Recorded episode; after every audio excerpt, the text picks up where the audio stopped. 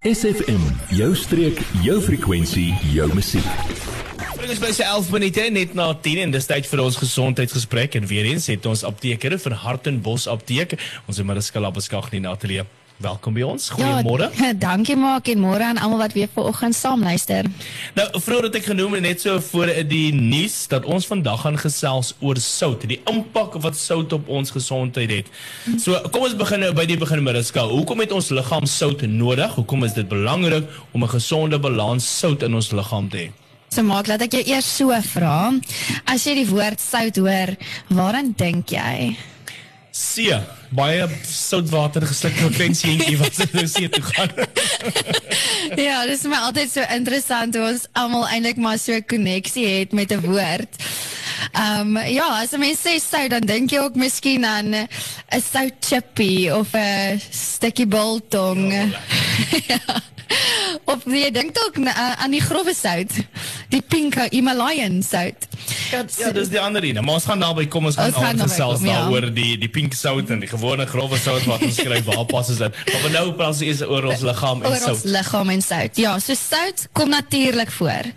Dit weet ons, dit word gemeng en dan gaan verwerk ons dit na na gelang van ons behoeftes. Ons gebruik dit as 'n middel wat vir ons geur gee aan ons disse. En uh, die geur maak ons kos natuurlik nou meer, meer smaaklik. Maar sout bestaan uit twee elemente, naamlik natrium en kloried, waarvan 40% natrium is en 60% kloried is. En dit is waarop ek wil fokus.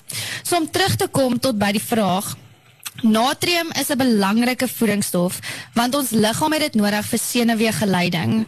Ons het dit nodig want daar is 'n water en mineraalbalans wat gebalanseer moet word. Ons het 'n suur en alkalisiese balans wat belangrik is. En sout help ook om spiere saam te trek en te ontspan. En dan is dit ook belangrik vir normale selfunksie. Daar is mos 'n sê ding, die oomblik wat jy 'n te vooraan iets sit, dan raak dit ongesond. Soos byvoorbeeld te veel sout, te veel chippies, te veel biltong of te min sout. So ons moet 'n gesonde balans van natrium in ons liggaam handhaaf om die bogenoemde funksies normaal te laat funksioneer. Die oomblik wanneer ons nie versteekte soutte in ons kosse in ag neem nie en ons meer sout inneem as wat ons moet, dan lei dit tot waar ons te veel sout inneem en dit kan dan gesondheidsrisiko's vir ons inhou. Nou gesels eers met ons oor te min sout in jou liggaam. Wat veroorsaak dit? Ja, so te min sout of te min natrium in die liggaam kan lei tot lae bloeddruk. En dit is veral geneig om gesien te raak in mense wat wat 'n normale bloeddruk het. So 'n lae bloeddruk te hê kan gevaarlik wees want jy kan opeindig met simptome van duiseligheid of lighoofdigheid en dit kan veroorsaak dat jy kan val en jouself seermaak. So dis eintlik so belangrik om na jou bloeddruk te kyk. Of jy nou sukkel met 'n hoë bloeddruk 'n lae bloeddruk of selfs 'n normale bloeddruk. Dan speel sout ook 'n hoofrol in die balansering van mineraal en waterkonsentrasie in ons liggaam. So die oomblik wat daar 'n wanbalans is, kan dit lei tot dehydrasie. So ons liggaam het vloeistof nodig om te kan funksioneer. Ons selle, spiere en organe het water nodig. En dit is hier waar sout so 'n belangrike rol speel omdat jy die waterbalans omdat hy die waterbalans in ons liggaam reguleer.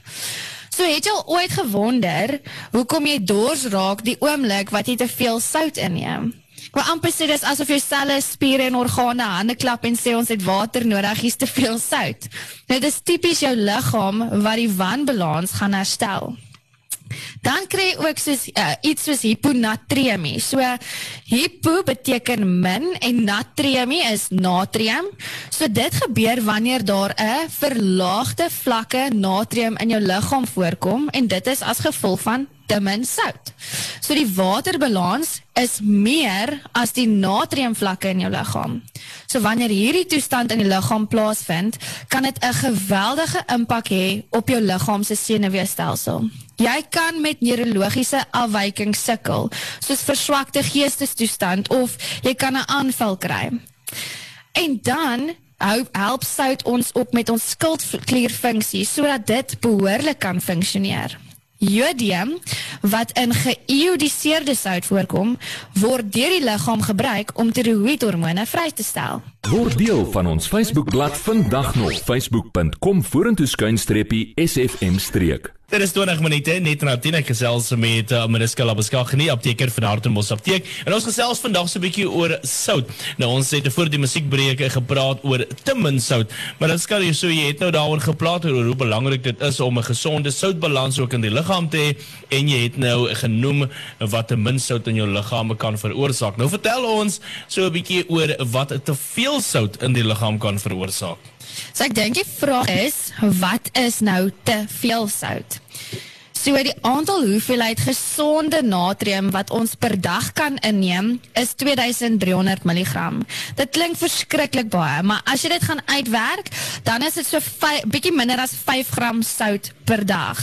En 5 gram sout is bietjie minder as 'n teelepel sout. So as jy nou moet gaan sit en dink aan jou kos wat jy voorberei, oggend, middag en aandete en al jou peselhappies, dink jy miskien jy neem meer as dit in. Ja. En dan is ook nou natuurlik daai versteekte sout in die kos self.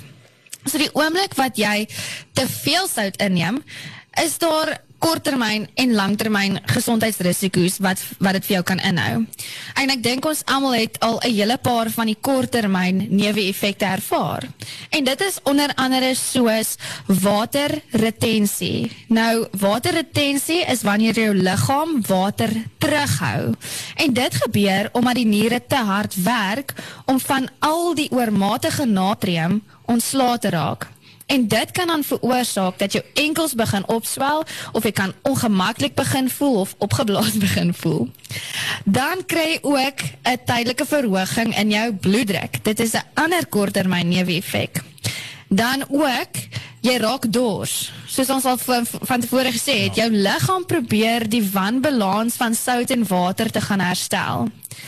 En dan 'n baie interessante een is ook dat daar studies gedoen is om te bewys dat 'n dieet hoog in sout 'n effek kan hê op jou slaappatrone. Nou die studies is gedoen op twee kontrolegroep muise. Die een uh, groep muise het 'n hoë sout dieet inname gehad en die ander groep het 'n lae sout dieet inname gehad, maar hulle het dieselfde aktiewe leefstyl ook gehad. En die een met die hoë dieet het 'n biologiese klok was omvergegooi. Hulle het heeltemal gesukkel om te slaap terwyl die ander weer makliker in 'n slaappatroon ingekom het. So dit dit gebeur ook as jy nou daaraan dink as jy nou groot pizza geëet het die aand, sukkel jy om te slaap in die aand as gevolg van al die sout. Net iets om aan te dink. Dan kry jy langtermyn neeweffekte en hierso kyk ons 'n bietjie na ernstiger kroniese kondisies wat ons al half meer alledaags sien. So die eerste ding is kardiovaskulêre siektes. So indien jy te veel sout inneem, begin jou jou liggaam water terughou. Dit het ons nou hoeveel keer hoeveel keer gesê want die water-soutbalans wil jou liggaam gaan herstel. Dit veroorsaak dan dat vloeistof wat selle omring uh verhoog en dan ook jou volume bloed in jou bloedstroom verhoog. So skielik is daar meer druk op jou hart want jou jou hart moet deur al hierdie volumes vloeistof werk. En dit kan dan nou veroorsaak dat jou bloeddruk styg. So die ekstra druk wat dan nou op jou hart is en op jou bloedvate uitgeoefen word, kan veroorsaak dat jou bloedvate met tyd verstyf en dit kan dan kondisies veroorsaak soos hoë bloeddruk, 'n hartaanval, hartversaking en dan selfs ook 'n beroerte. Dan nog 'n langtermyn neeweffek is jy staan 'n hoër risiko om osteoporose te ontwikkel. So verhoogde soutinname veroorsaak dat meer kalsium uit die liggaam uitgeskei word en ons het kalsium nodig vir ons beendigtheid om optimaal te wees. En dan werk jou niere ook harder want ons het soveel sout wat in ons liggaam het so hulle werk oor tyd en dit kan veroorsaak dat jy sukkel met kroniese niersiektes. So daar's die langtermyn en korttermyn effekte wat jou kan raak. Ons gesels net hierna laas gaan ons verder gesels ek en Mariska so bly geskakel op SFM. Jy ja jy Nou dat ons jou aandag het, vertel jou vriende van SFM en ondersteun plaaslik. SFM maak elke dag 'n goed gevoel dag. SFM. Ek gesels met Mariska Labeskagni, apteker van Hartenbos Apteek en vandag is 'n baie belangrike onderwerp. Ons fokus vandag op sout, so die hoeveel jy moet, hoeveel jy nie moet nie, wat die voordele en die nadele daarvan is.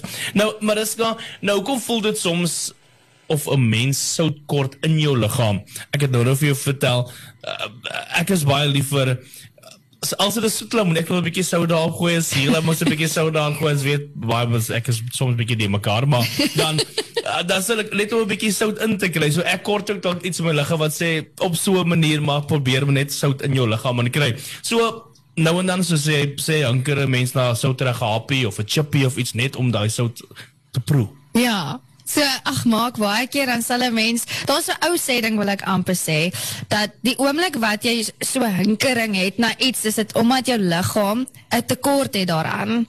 En ek dink ons moet onsself nou nie hierso bluf met dit nie. Dit is nie noodwendig die geval nie. Maar ook as jy kyk nou na die lewe waarin ons tans is, ons beplan ons lewe om kragonderbrekings. Ons probeer ons kos vinnig gaar maak, die vinnigste wat ons kan doen of ons uh, nie almal het die nodige fasiliteite om kos te maak as daar kragonderbrekings is nie, so dan gaan koop jy maar kos. En daai het nie noodwendig al die nodige voedingsstowwe wat jou liggaam nodig het nie. En dit is wanneer jy dan begin met iets soos 'n craving. Uh dan is daar ook ander verskeie omgewingsfaktore wat so ietsie sal kan aanwakker en dit is iets soos onder andere stres. Stres kan veroorsaak dat jy iets soos trooskos na wil gryp. Ja. En trooskos is baie geneig om hoog te wees in sout, suiker en vette dan ook wanneer jy nie genoeg geslaap het nie, kan dit ook vir jou voel dat jy kosse nodig het wat jou gaan tevrede stel en dit is baie keer ook geneig om hoog te wees in sout of althans suiker, hang net maar af of jy nou 'n soet of 'n souttand het seker. En dan om te eet omdat jy verveeld is, is nou weer 'n ander ding. Hier is baie mense geneig om so streseters self met trooskos te help. Maar ek dink hier is dit belangrik om te onderskei tussen is ek nou honger of is ek nou verveeld. En dan baie ouens of baie mense wat verskriklik hard oefen of uh, in omgewings werk waar hulle heeldag in die warm son is, sweet baie en hierdie sweet wat jy veroorsaak dan dat jou liggaam baie soutte verloor. En dan is dit belangrik om eerder iets te gebruik wat elektrolyte terugsit in jou liggaam. So die punt van die storie is maar dat sout verslawend is. maar ek dink is ook belangrik dat jy in ag neem dat indien jy sukkel met 'n 'n hinkering na sout wat erger word met tyd of wat vir lang tye aanhou, dat jy dalk maar jou dokter moet gaan sien of kom sien ons by die apteek want dit kan ook 'n aanduiding wees van iets meer ernstigs en dis belangrik om hierdie goeters aan te spreek. So ja, as een van die daai dinge wat Mariska genoem het in gesprek vanoggend dit by jou opkom, gaan na Altenbos apteke gaan gesels daar met die span. Hulle sal vir die nodige leiding daar gee. Mariska, waar kan luisteraars julle kry? Ja, so ons is reg oorkant Laerskool Hartenbos.